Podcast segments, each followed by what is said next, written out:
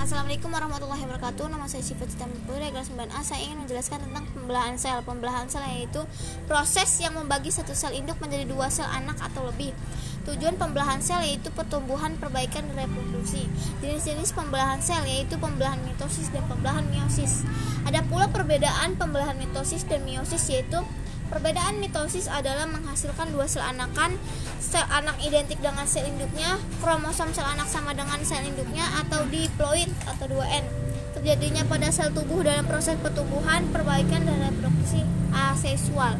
Ada pula perbedaan meiosis, menghasilkan empat sel anakan, sel anak tidak identik dengan sel induknya, kromosom sel anak adalah setengah dari sel induknya atau haploid atau N terjadi pada sel kelamin dalam proses reproduksi seksual.